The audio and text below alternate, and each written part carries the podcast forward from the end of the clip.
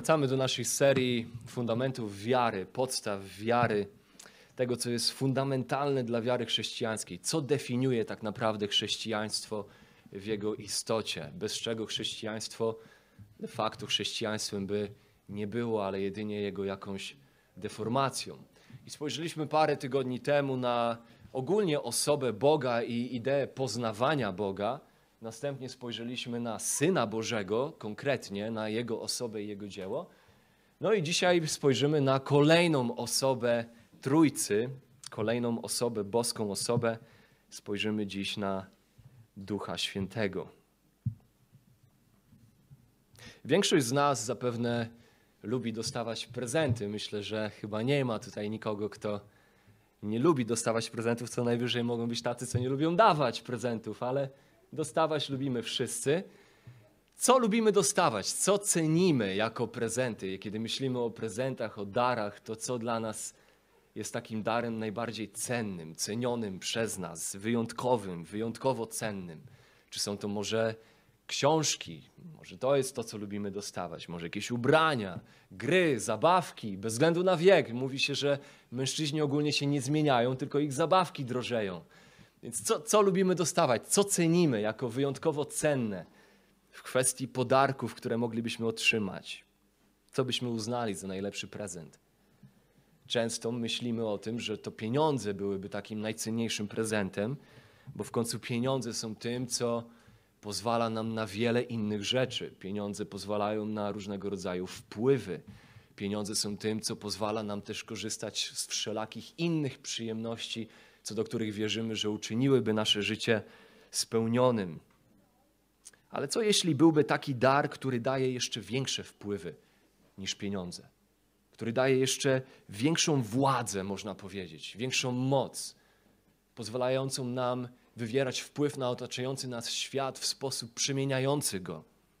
Dar, który czyni w naszym życiu rzeczy większe niż mogłoby uczynić jakiekolwiek bogactwo.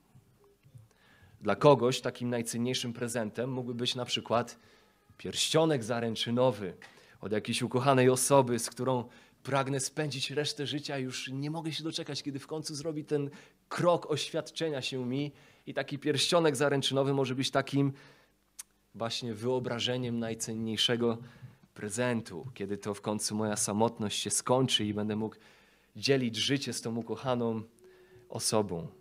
Ale co jeśli byłby taki dar, który gwarantowałby nam jeszcze wspanialszą relację? Relację, która jest poparta jeszcze pewniejszą, trwalszą i wierniejszą obietnicą niż obietnica, niż przysięga małżeństwa. Dla kogoś takim prezentem najcenniejszym może być jakiś podarunek sentymentalny. Niektórzy z nas tacy są, że niekoniecznie cenimy pieniądze, nie mierzymy wartości pieniędzmi, ale mierzymy wartość wartością sentymentalną. Jakieś sentymentalne podarki, pamiątki, fotografie, coś ręcznie zrobione przez kogoś, dla nas, od serca, żeby mogło nam przypominać o tej osobie, o tej ważnej relacji, o ważnym wydarzeniu, o przyjaciołach, o rodzinie. Ale co jeśli byłby taki dar, taki prezent, taki podarunek, który by zapewniał Tobie więcej niż wspomnienia ukochanej osoby, więcej niż wspomnienia najważniejszej osoby, najcenniejszej osoby, zapewniałby Tobie stałą obecność tej osoby przy Tobie na zawsze. Czyż to nie byłby wspaniały dar? Otóż jest taki dar. Dar, który zawiera w sobie najwspanialsze obietnice, zawiera w sobie moc i zawiera w sobie obecność. I miliony na całym świecie ten dar otrzymują. Tym darem oczywiście jest właśnie Duch Święty dla wierzących. Jest on darem z listy tych najcenniejszych, najbardziej użytecznych, najbardziej pomocnych, najbardziej pełnych miłości darów, niezawodnych, trwałych. Duch, który mieszka w tych, którzy należą do Boga przez to, że zawierzyli Chrystusowi. 1 Koryntian 3,16. Słowa skierowane do wierzących w Koryncie. Czy nie wiecie, że świątynią Bożą jesteście i że Duch Boży mieszka w Was? Duch Boży mieszka w Was. To jest ten duch.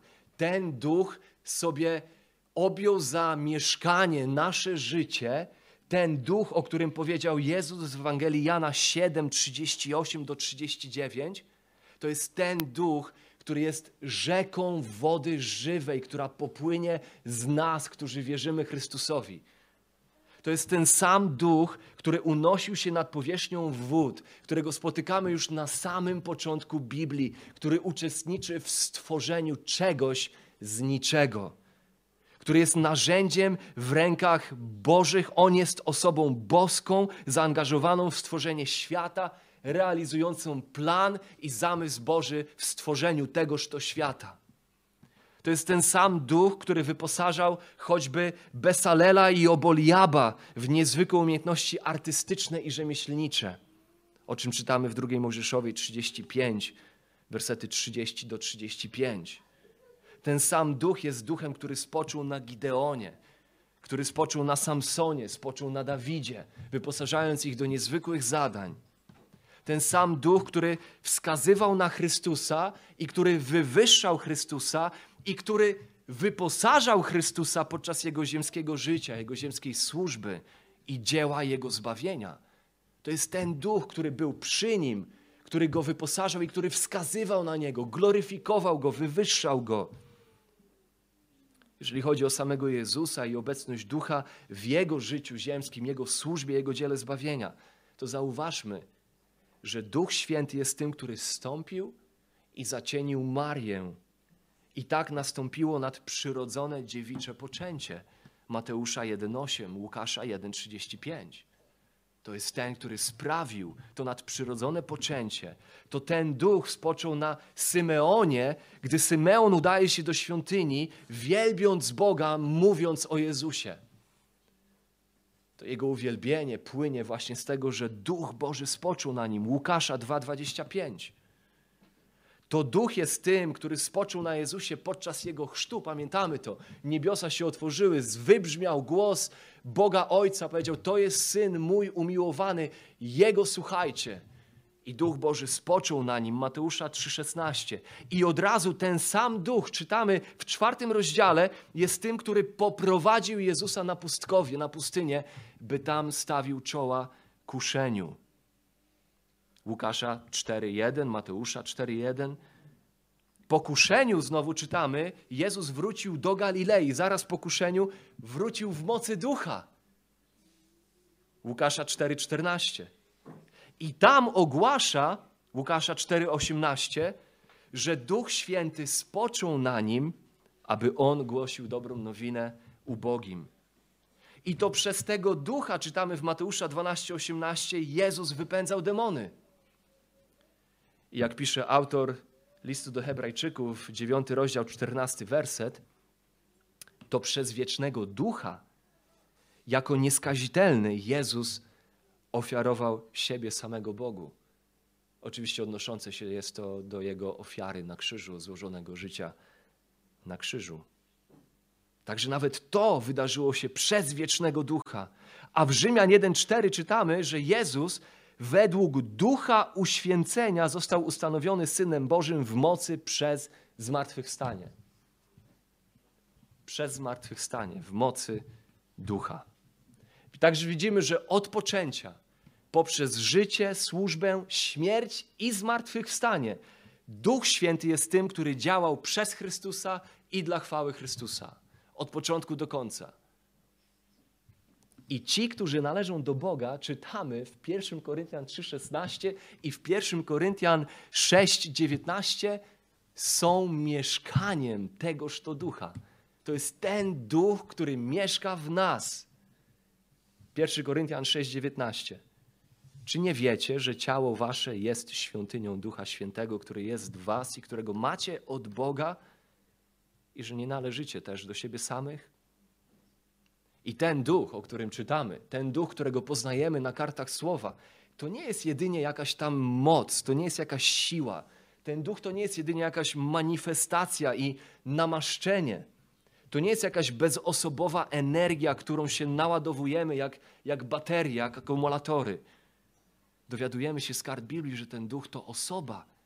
to osoba samego Boga, to sam Bóg swoim duchem zamieszkujący w swoich dzieciach. Widzimy to chociażby w porównaniu tych dwóch fragmentów, 1 Koryntian 3,16 i 1 Koryntian 6,19. Warto sobie to zaznaczyć, bo ten niuans może nie rzucać nam się w oczy, ale on tam jest wyraźny. W 1 Koryntian 3,16 jesteśmy nazwani świątynią Bożą, której mieszka Duch Święty. Ale trzy rozdziały dalej, Paweł mówiąc dokładnie o tym samym, nie nazywa nas już świątynią Bożą, ale świątynią Ducha. Dla Pawła to jest jedno i to samo. Duch jest Bogiem. Dlatego fakt ten, że my jesteśmy świątynią Ducha, jest dokładnie tym samym faktem, że jesteśmy świątynią Boga, gdyż ten Duch jest Bogiem. Widzimy to w dziejach apostolskich 5, 3 do 4. Historia kłamstwa, oszustwa, tej, tego zwodzenia Ananiasza i Safiry. Kiedy to ich skłamanie duchowi jest skłamaniem samemu Bogu, gdyż duch jest Bogiem. Więc to sam Bóg, to nie energia, to nie jakaś manifestacja mocy, ale to sam Bóg w trzeciej osobie zamieszkuje w swoich dzieciach, posłany przez Ojca. Jana 14, 16, a także i posłany przez Syna. Jana 16, 7. I to jest duch, który widzimy bardzo wyraźnie, że on posiada cechy osobowe, dlatego że on jest osobą, dlatego że nie jest jedynie energią, mocą, ale on jest osobą, posiada cechy osobowe. Dlatego jest duchem, który wstawia się. Rzymian 8, 26, 27. On jest duchem, który świadczy o prawdzie, składa świadectwo o prawdzie. Jana 16, 12 do 15. Jest duchem, który przekonuje. Przekonuje o grzechu, sprawiedliwości i sądzie. Jana 16, 6. Jest duchem, który przemawia. Marka 13, 11 czytamy: Duch za was będzie mówił. Kiedy będziecie musieli się tłumaczyć, to nie martwcie się, nie bójcie się, gdyż mówił będzie duch. On jest duchem, który tworzy. Pierwsza Mojżeszowa 1:2 czy Łukasza 1:35, kiedy, kiedy to on jest tym duchem, który sprawia poczęcie Jezusa. On jest duchem, który daje życie. Jana 3 jest duchem, którego możemy zasmucać. Jest osobą, którą możemy zasmucać. Efezjan 4:30. Jest duchem, przeciwko któremu możemy bluźnić. Marka 3, 28, 29. Dlatego, że on jest osobą, posiada cechy osobowe.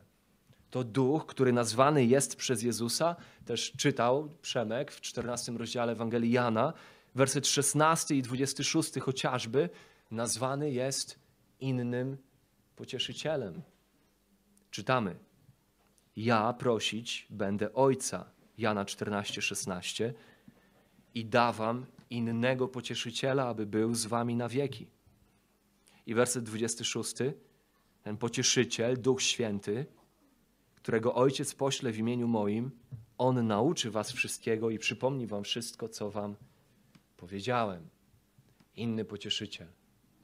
Czasami w różnych przykładach to słowo tłumaczone jako opiekun, pośle do was innego opiekuna, czasami doradca. W języku angielskim czasami pojawia się słowo adwokat, pośle wam innego adwokata. To jest trudne słowo do przetłumaczenia, żeby jednym słowem polskim ująć tak naprawdę pełne znaczenie tego słowa greckiego, które się nam pojawia. Alon paraklete to jest ten inny pocieszyciel to jest ten w Grece, który staje przy boku innego, by między innymi pocieszać, ale także by reprezentować. To jest ten, którego rolą jest wzmacniać, radzić, wspomagać. I zarówno ma znaczenie takie formalne, prawne, stąd często w angielskim pojawia się słowo adwokat, ale też ma znaczenie takiej bliskości, pomocnika, tego, który wspomaga, który właśnie pociesza, który podnosi. Jest to inny pocieszyciel. Poślę do Was innego pocieszyciela. Innego pocieszyciela tego samego rodzaju. Nie innego, czyli coś kompletnie innego, ale inny, alon. Inny, ale tego samego rodzaju. W tym sensie Duch Święty ukazany jest jako swego rodzaju następca Jezusa w jego ziemskiej służbie dla jego uczniów. W pewnym sensie tak jakby Duch jest przedstawiony jako ten, który będzie zamiennikiem Jezusa na ten czas, kiedy Jezus wstąpi do nieba. To jest ten, który wchodzi w miejsce Jezusa, by wypełniać w życiu tych, którzy do Jezusa należą, tę samą rolę, którą Jezus wypełniał w życiu tych, z którymi był, kiedy był z nimi podczas swojej ziemskiej służby. I tu mamy bardzo ważną prawdę odnośnie działania ducha. Tak jak Jezus w Ewangeliach podczas swojego ziemskiego życia, wszystko co robi, czy też większość co robi, szczególnie kiedy spojrzymy na cuda Jezusa, jego cud przemienienia wody w wino, cud rozmnożenia chleba i ryb, organiczny cud tworzenia czegoś z niczego, uciszenia wiatru i morza, kiedy to on rozkazuje swemu stworzeniu i stworzenie słucha go. Wszystkie te rzeczy nie są przykładem dla nas do pójścia w jego ślady, byśmy my czynili to samo, tylko głównym celem Ewangelii i relacji tego, kim jest Jezus i co On robi, jest ukazanie Jego chwały, Jego tożsamości. Ukazanie nam, że oto przyszedł Syn Boży, oto Mesjasz, oto ten, który jest spełnieniem wszystkich tęsknot Starego Testamentu. I to jest bardzo ważna prawda, bo tak jak Jezus przede wszystkim ujawniał swoją chwałę poprzez swoje dzieła i swoje słowa, tak Duch przychodzi, aby czynić dokładnie to samo. Przychodzi, aby ujawniać, uwypuklać, wskazywać na chwałę Jezusa. To jest Jego rolą. To jest zadanie Ducha Świętego. Czytamy w Ewangelii Jana, rozdział 16, wersety 13 do 15. Bardzo ważny fragment. Jana 16, 13 do 15. Lecz gdy On przyjdzie, Duch Prawdy, wprowadzi was we wszelką prawdę, bo nie sam od siebie mówić będzie, lecz cokolwiek usłyszy, mówić będzie i to, co ma przyjść, wam oznajmi, On mnie uwielbi, gdyż z mego weźmie i wam oznajmi. I widzimy, że Duch Święty jest przedstawiony ten, czy jako ten, czy też rola Ducha Świętego jest przedstawiona jako rola nie mówienia w Jego własnym imieniu i nie zwracania uwagi na siebie samego, ale jest ukazany jako ten, który pragnie otoczyć chwałą Syna. To jest ten, który przychodzi, który jest dany Bożym ludziom, Bożym dzieciom, by uwielbiać Syna, by uwielbiać Chrystusa. Jana 15, 26. Gdy przyjdzie pocieszyciel, którego ja wam poślę od Ojca, duch prawdy, który od Ojca wychodzi, złoży świadectwo o mnie. To jest dzieło Ducha Świętego, to jest rola Ducha Świętego. Tam, gdzie ma miejsce uwypuklanie Chrystusa, tam możemy powiedzieć, że ma miejsce działanie ducha, bo to jest dokładnie to, co duch pragnie czynić, co jest pragnieniem samego ducha. Jezus powiedział swoim uczniom tuż przed swoją śmiercią, Jana 15, 26, czy te rozdziały 14, 15, 16. To jest wypowiedź Jezusa na tuż przed jego śmiercią. I mówi, że duch zostanie wysłany w jego imieniu, by przypomnieć im jego nauki i złożyć świadectwo o nim, aby on był uwielbiony w ich sercach, w ich oczach. I widzimy, że esencją działania ducha jest wskazywanie na Chrystusa.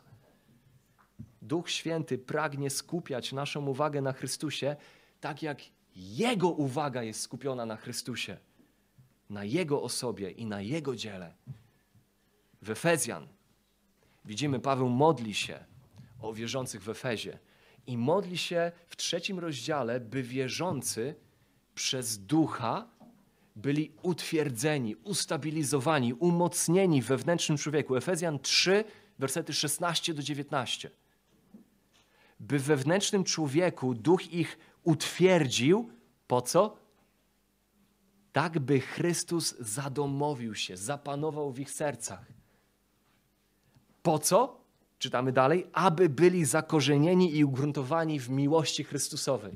Widzimy dokładnie tę samą myśl, że to, o co Paweł modli się, by duch uczynił w życiu, w sercach wierzących, ma prowadzić do tego, że oni są utwierdzeni w Chrystusie, że Chrystus rozdamawia się w ich sercach, panuje w ich sercach, a oni są utwierdzeni w miłości Chrystusowej. Wszystko, co robi duch, to czym zainteresowany jest duch, to nie duch, ale utwierdzenie Chrystusa w sercach tych, którzy do niego należą. To właśnie, jak czytamy, Kevin DeYoung bardzo trafnie ujmuje to. Przekazem ducha nigdy nie jest spójrz na mnie, posłuchaj mnie, przyjdź do mnie, poznaj mnie. Ale zawsze przesłaniem ducha jest spójrz na Niego, na Chrystusa. Zobacz Jego chwałę. Słuchaj Go i bądź posłuszny Jego słowu. Przyjdź do Niego, a będziesz miał życie. Poznaj Go i zasmakuj Jego daru, radości i pokoju. To radowanie się Chrystusem, wpatrywanie się w Chrystusa jest tym, co jest dowodem działania Ducha Świętego w życiu Bożych ludzi. Jak ktoś powiedział, Kościół nie powinien skupiać się na gołębicy, ale na krzyżu. To jest to, czego pragnie duch. J.I. Packer, inny teolog, już nieżyjący, mamy też jego książki do dyspozycji, warto, warto po nie sięgnąć. Ujął to w taki sposób. Duch Święty działa w Kościele tak, aby ludzie mogli ujrzeć Jezusa lepiej. Ujrzeć Go jako Pana wyraźniej, jako pięknego, wspaniałego Zbawcę, by dostrzec Jego autorytet i poddać się w posłuszeństwie Jego woli. Dzieło Ducha przede wszystkim kieruje ludzi do tego, aby wywyższali Chrystusa jako Pana wszystkich i ofiarowali Jemu swoją uwagę i miłość. Duch jest uwielbiony najbardziej, gdy oddajemy cześć Synowi. To jest to, jak ukazany jest Duch dla nas na kartach Słowa. Duch nie jest tym, który stawia siebie w świetle reflektorów. To nie jest ten, który chce być w centrum uwagi wierzących. Duch jest tym, który działa jakby za kulisami, działa na drugim planie, na pierwszy plan wynosząc Chrystusa, wywyższając Chrystusa, uwypuklając go w oczach tych, którzy do niego należą. Tam, gdzie działa Duch, tam uczczony jest Chrystus. I analogicznie, uwaga, analogicznie, tam, gdzie podkreślany i wywyższany jest duch, tam duch nie ma z tym wiele wspólnego. Bo duch w słowie nigdy nie jest ukazany jako ten, który wskazuje na siebie i uwypukla siebie. Więc możemy być pewni, że jeżeli trafiamy w środowisko, w nauczanie, książkę, w której centrum stoi zaabsorbowanie osobą Ducha Świętego, manifestacją Jego energii, mocy w naszym życiu w taki sposób, że jesteśmy zafiksowani na punkcie Jego osoby, to możemy być pewni, że to nie jest coś, czym zainteresowany jest sam Duch i czego pragnie sam Duch. Dan Phillips, inny teolog, trafnie to ujmuje. Pokaż mi osobę mającą obsesję na punkcie Ducha Świętego i Jego darów, rzeczywistych czy też wyimaginowanych, a ja pokażę Ci osobę nienapełnioną Duchem Świętym.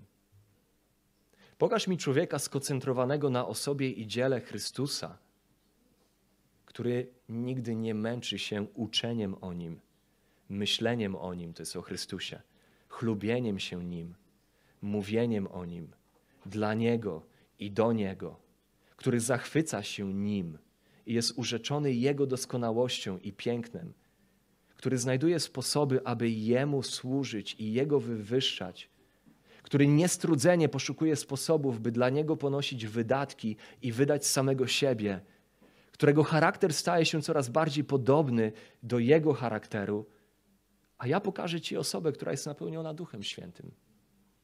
W takim stopniu, w jakim wypełnieni jesteśmy Duchem Świętym, w takim też będziemy koncentrować się i skupiać na osobie Pana Jezusa Chrystusa. To jest dzieło Ducha Świętego. Nie bez powodu autor Hebrajczyków w 12 rozdziale, wersety 1-2 podkreśla, że kluczem dla nas, by biec wytrwale w tym wyścigu, który jest przed nami, w sposób, który porzuca grzech i ciężar, jakie nas usidlają i spowalniają, i męczą, i krzywdzą w tym życiu, że kluczem do tego jest wpatrywanie się w kogo i poszukiwanie kogo? Chrystusa wpatrując się w Chrystusa, sprawcę i dokończyciela naszej wiary. Możemy powiedzieć, że z duchem jest jak z obiektywem. Ci, którzy są fotografami, może docenią tą ilustrację. Tam widzę ręka w górę. Tak, halleluja, tak? Ci, którzy coś tam na fotografii się znają, mogą docenić tę ilustrację. Obiektyw, rozumiemy, że obiektyw nie jest po to, aby wskazywać na obserwowanie obiektywu. Obiektyw nie jest po to, by patrzeć na obiektyw. On jest bardzo ważny, ale obiektyw nie służy do patrzenia na obiektyw. Kiedy patrzysz przez obiektyw, to nie po to, by widzieć obiektyw, ale żeby widzieć to, na co obiektyw kierujesz. Obiektyw jest narzędziem, które pozwala tobie spojrzeć na konkretną rzecz, jest tym, co wyostrza dla ciebie tę konkretną rzecz, jest tym, co wstawia w kadr, w odpowiedni kadr, tą rzecz, która chce, żeby była w centrum fotografii. Wtedy możemy powiedzieć, że obiektyw spełnia swoją rolę. Obiektyw nie jest po to, by patrzeć na obiektyw, jest po to, by przez niego patrzeć na dany obiekt. Każdy, kto kupuje jakiś drogi obiektyw, a każdy, kto coś z fotografią ma wspólnego, wie, że obiektyw jest wręcz w pewnym sensie ważniejszy od aparatu i wręcz nawet droższy od aparatu, dobry obiektyw. I każdy, kto kupuje drogi obiektyw, by patrzeć na obiektyw, rozmija się z tym, po co ten obiektyw kupił i po co on istnieje. Podobnie jest z Duchem Świętym. Rolą Ducha Świętego jest wskazywać na coś innego. On jest obiektywem, który ma nam pokazać, wyostrzyć inny obiekt, postawić w centrum kadru naszego spojrzenia, naszego życia. Konkretnie ma patrzeć na kogoś innego, na jego chwałę, na charakter, a konkretnie na osobę i dzieło Chrystusa. Tak, by właśnie ten obiektyw Ducha Świętego swoim działaniem, swoimi funkcjonalno, swoją funkcjonalnością, swoim, swoim działaniem wskazać nam Chrystusa jako jeszcze piękniejszego, jeszcze wspanialszego, jeszcze godniejszego naszej ufności, naszego oddania, naszego posłuszeństwa i naszej miłości. To jest rola ducha. Każdy, kto jest tak zaabsorbowany osobą ducha, że widzi głównie ducha, skupia się na duchu, zabiega o tak zwane manifestacje ducha, rozbiega się z tym, po co właściwie Duch Święty jest nam dany. Jak widzieliśmy to w Jana 14:26 czy 16:14, działanie ducha zawsze w centrum stawiać będzie Chrystusa. I uwaga, każda służba, każdy jakiś ruch, każda misja, każdy kościół, każdy chrześcijanin, który jest pełen ducha, będzie miał dokładnie takie same priorytety. Duch Święty nie tylko kieruje naszą uwagę na Pana Jezusa w sensie dostrzegania Jego wspaniałości, Jego majestatu, Jego wielkości, Jego panowania, władzy i miłości, ale dowiadujemy się, że Duch Święty też jest zainteresowany tym, by przemieniać nas w ten obraz, który dla nas wyostrza, który uwypukla przed naszymi sercami i oczyma. Że to jest rola Ducha Świętego, by przemieniać nas na podobieństwo tegoż to Chrystusa, którego pozwala nam dostrzec wyraźniej. To jest Jego pragnienie. Duch działa tak, byśmy swoim, by On swoim owocem upodabniał dzieci Boże do obrazu tegoż to Syna Bożego. I teraz pytanie. Co takiego robi Duch, aby uczynić nas bardziej podobnymi do Chrystusa? Jakich, jakich narzędzi używa Duch, aby doprowadzić nas do większego podobieństwa Chrystusowi? Czego używa Duch? Czy używa atmosfery? Czy używa świateł? Czy używa jakichś nadprzyrodzonych manifestacji? Czego używa duch, aby doprowadzić nas do większego podobieństwa Chrystusa? 2 Koryntian 3:18 chociażby. 2 Koryntian 3:18, bardzo ważny fragment. My wszyscy tedy, mowa o wierzących, my wszyscy wierzący, zbawieni, których grzechy zostały przebaczone, odkupieni krwią Chrystusową. My wszyscy tedy z odsłoniętym obliczem, oglądając jak w zwierciadle chwałę Pana, majestat Pana, osobę Chrystusa, zostajemy przemienieni w ten sam obraz z chwały w chwałę, jak to sprawia Pan, który jest duchem. Idąc od tyłu tego wersetu, co sprawia Pan, który jest duchem? Co sprawia duch? No, duch sprawia to, że my stojąc z odsłoniętym obliczem przed zwierciadłem, jak w tym zwierciadle, ten duch, który to sprawia, co on sprawia? On sprawia to, że my możemy oglądać chwałę Pana. Możemy wpatrywać się w chwałę Pana i w ten sposób dostępujemy przemienienia w ten sam obraz, który oglądamy jakoby w zwierciadle. To jest to, o czym mówi 2 Koryntian 3,18. To jest to, co sprawia Pan, który jest duchem. Kieruje nasze oczy na chwałę Chrystusową. Więc to Jego kierowanie naszej uwagi na Chrystusa nie jest tylko po to, by się nim zachwycać, ale też idzie dalej, jest po to, by nas przemieniać w obraz Chrystusowy. Nie jest po to, by z, sprowadzać na nas złoty pył z nieba i mannę między karty Biblii i nie wiadomo jeszcze jakie tam nadprzyrodzone rzeczy, ale jest po to, by w ukazaniu nam chwały Chrystusowej przemieniać nas w ten sam obraz, jaki widzimy w Chrystusie. To jest Jego rola, to jest Jego dzieło. Duch skupia naszą uwagę na pięknie Chrystusowym, a my z kolei przez to, że widzimy to piękno Chrystusowe, chcemy być bardziej jak On i stajemy się bardziej jak On, i Duch jest tym, który to sprawia.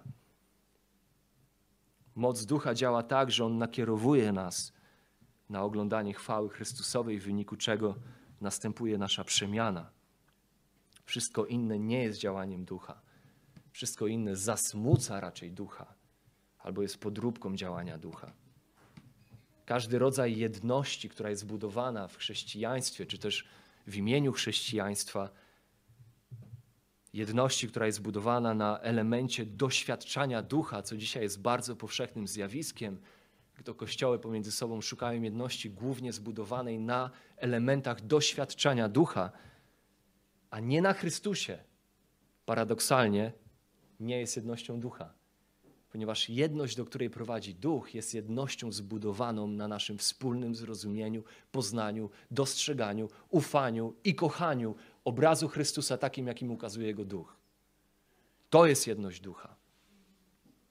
I w każdym miejscu, w każdym kościele, w każdym ruchu, gdzie skupienie na Chrystusie przysłonięte jest przez troskę o rzekome dary duchowe i nadprzyrodzone namaszczenia, nie możemy mówić o pełni ducha w odniesieniu do takiego miejsca, do takiego ruchu, do takiego kościoła.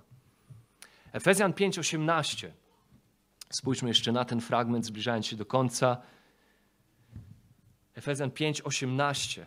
Tam mamy wezwanie w formie nakazu. Paweł wzywa wierzących: bądźcie pełni ducha. Nie upijajcie się winem, które powoduje rozwiązłość, ale bądźcie pełni ducha. Raczej w Grece bądźcie napełniani Duchem Świętym. Mamy tam coś, co jest stałą rzeczywistością, która na bieżąco się dzieje. Nie jednorazowe wydarzenia, ale raczej stała, stała czynność, kiedy to my jesteśmy napełniani przez Ducha. Co Paweł ma na myśli przez bycie napełnianym przez Ducha? Kiedy patrzymy na kontekst Efezjan, możemy sobie przypomnieć może to kazanie z tego fragmentu. Tam wtedy chyba Mieliśmy ich trzy. Dzisiaj to spróbujemy w dwie minuty podsumować. Kiedy patrzymy na kontekst choćby tego fragmentu, to zaczynamy rozumieć, co Paweł ma na, ma na myśli, kiedy wzywa nas do tego, byśmy byli napełniani duchem. Po pierwsze, widzimy w bezpośrednim kontekście, że pełnia ducha stoi w pewnym kontraście do czegoś innego. Stoi w kontraście do bycia pełnym alkoholu. Stoi w kontraście do pijaństwa czym jest pijaństwo. No, pełnia alkoholu powoduje rozwiązłość. Pełnia alkoholu jest tym, co prowadzi do niepohamowania, do braku kontroli nad sobą, braku panowania nad sobą, do hulaszczości. Pełnia alkoholu jest tym, co prowadzi do upodlenia się człowieka, który traci panowanie nad swoim językiem, nad swoim myśleniem, nad swoimi czynami. Pijaństwo nawet było postrzegane w niektórych religiach greko-rzymskich jako sposób na doświadczanie duchowej ekstazy, jako swego rodzaju ścieżka do połączenia się z bóstwem. Najbardziej widoczne to było w kulcie choćby Dionizosa, którego symbolem była winorośl. Co ciekawe, obecność kultu Dionizosa w Efezie jest bardzo dobrze udokumentowana, więc oni prawdopodobnie byli świadomi, do czego prowadzi pijaństwo, chociażby w praktykach kultu Dionizosa. To jest na przykład udokumentowane na monetach efeskich, a także na inskrypcjach. Poprzez upijanie się wierzono, że wchodzi się w społeczność z bogami. Założenie było takie, że upijając się, sprawia się, że Dionizos wstępuje w ciebie i zaczyna ciebie wypełniać, tak że ty wtedy jesteś w stanie pełnić jego wolę. napełniając się alkoholem, on wstępuje w ciebie i pozwala ci wypełniać jego rolę w szale pijaństwa. I tak jak w pijaństwie człowiek najbardziej się upadla, tak tu widzimy w Efezjan 5:18, tak w kontraście, w kontraście do tego, co czyni pełnia alkoholu, stoi pełnia ducha. Pełnia ducha, która z kolei objawia się czymś kompletnie przeciwnym. Pijaństwo prowadzi do rozwiązłości, hulaszczości, niepohamowania, a pełnia ducha objawia się czym? Od wersetu 19 czytamy, do czego prowadzi pełnia ducha. Objawia się sercem śpiewającym i grającym dla Pana. 5:20 Pełnia ducha prowadzi do stałej wdzięczności Bogu w imieniu Pana.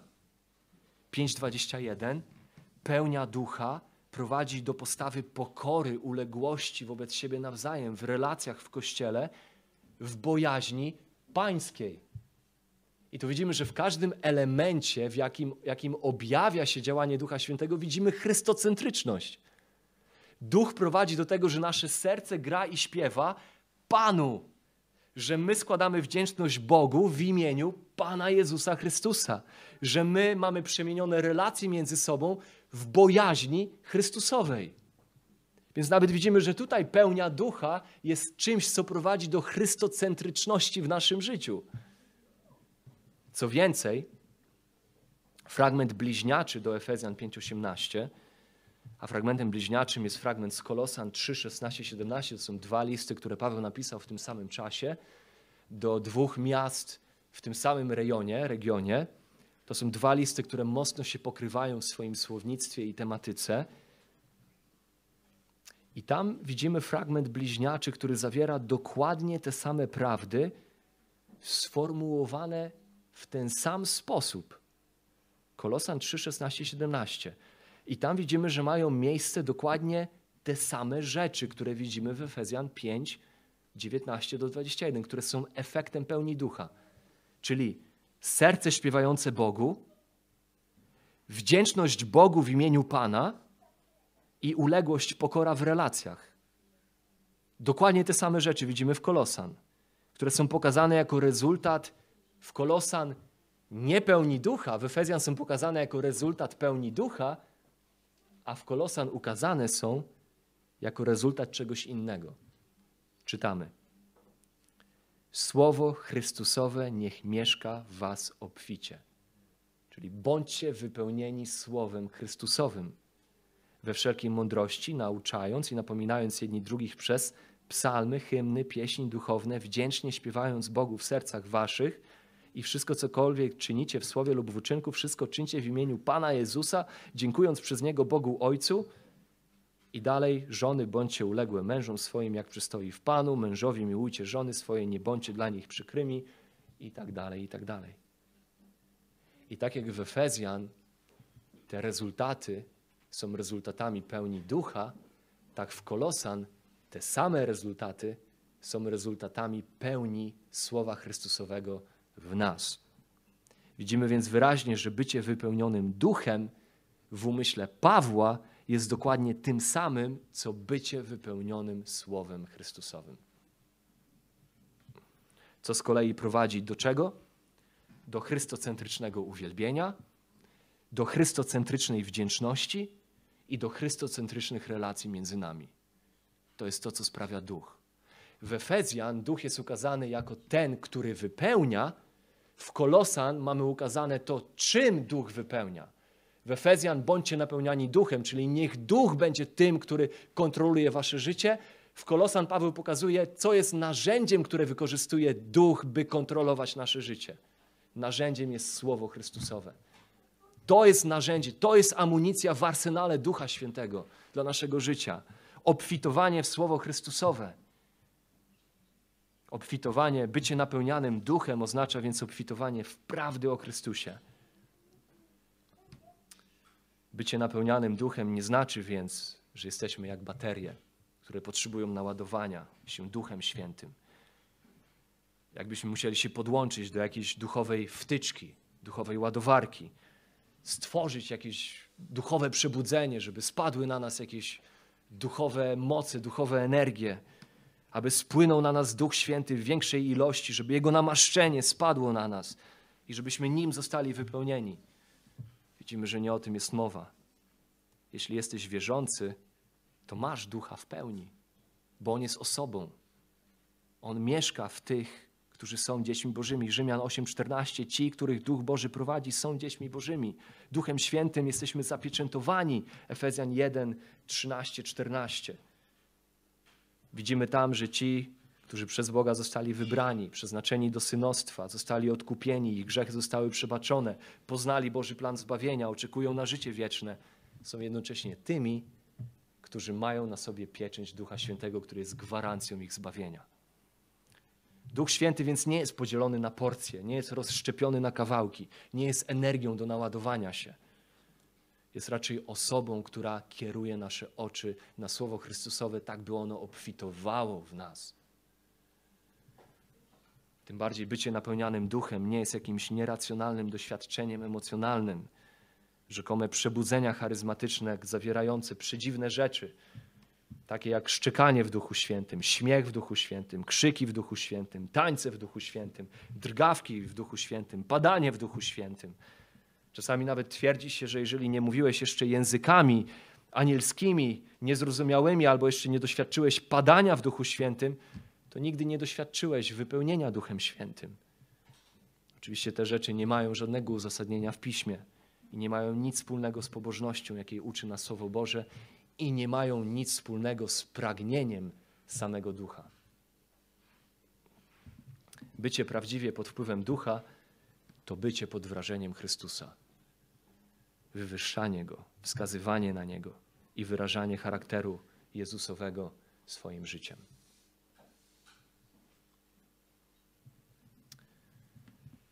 Mamy jeszcze 5 minut, to Galacjan 5.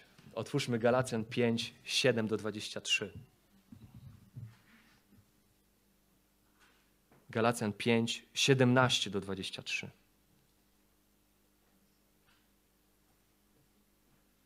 Ciało pożąda przeciwko duchowi, a duch przeciwko ciału, a te są sobie przeciwne, abyście nie czynili tego, co chcecie. A jeśli duch was prowadzi, nie jesteście pod zakonem, jawne zaś są uczynki ciała, uczynki ciała, mianowicie Spójrzmy na brzydotę tego, co tutaj jest pokazane jako uczynki ciała: wszeteczeństwo, nieczystość, rozpusta, bałwochwalstwo, czary, wrogość, spór, zazdrość, gniew, knowania, waśnie, odszczepieństwo, zabójstwa, pijaństwo, obżarstwo i tym podobne. O tych zapowiadam wam, jak już przedtem zapowiedziałem, że ci, którzy te rzeczy czynią, Królestwa Bożego nie odziedziczą. I teraz w kontraście owocem zaś ducha są miłość, radość, pokój, cierpliwość, uprzejmość, dobroć, wierność, łagodność, wstrzemięźliwość. Przeciwko takim nie ma zakonu. Widzimy w jednym narożniku owoce ciała, w drugim narożniku widzimy owoce ducha, widzimy kontrast pomiędzy nimi, widzimy swego rodzaju walkę, która ma miejsce w życiu chrześcijanina, że są rzeczy, których jego ciało, jego wciąż grzeszne, nieodkupione ciało, nieprzemienione ciało wciąż pragnie, My mamy te pragnienia, one wciąż są w nas obecne, ale jest też duch i uczynki ducha są piękne, są dobre, owoce ducha są dobre. I tutaj mamy opisane to życie poddane duchowi w bardzo interesujący sposób.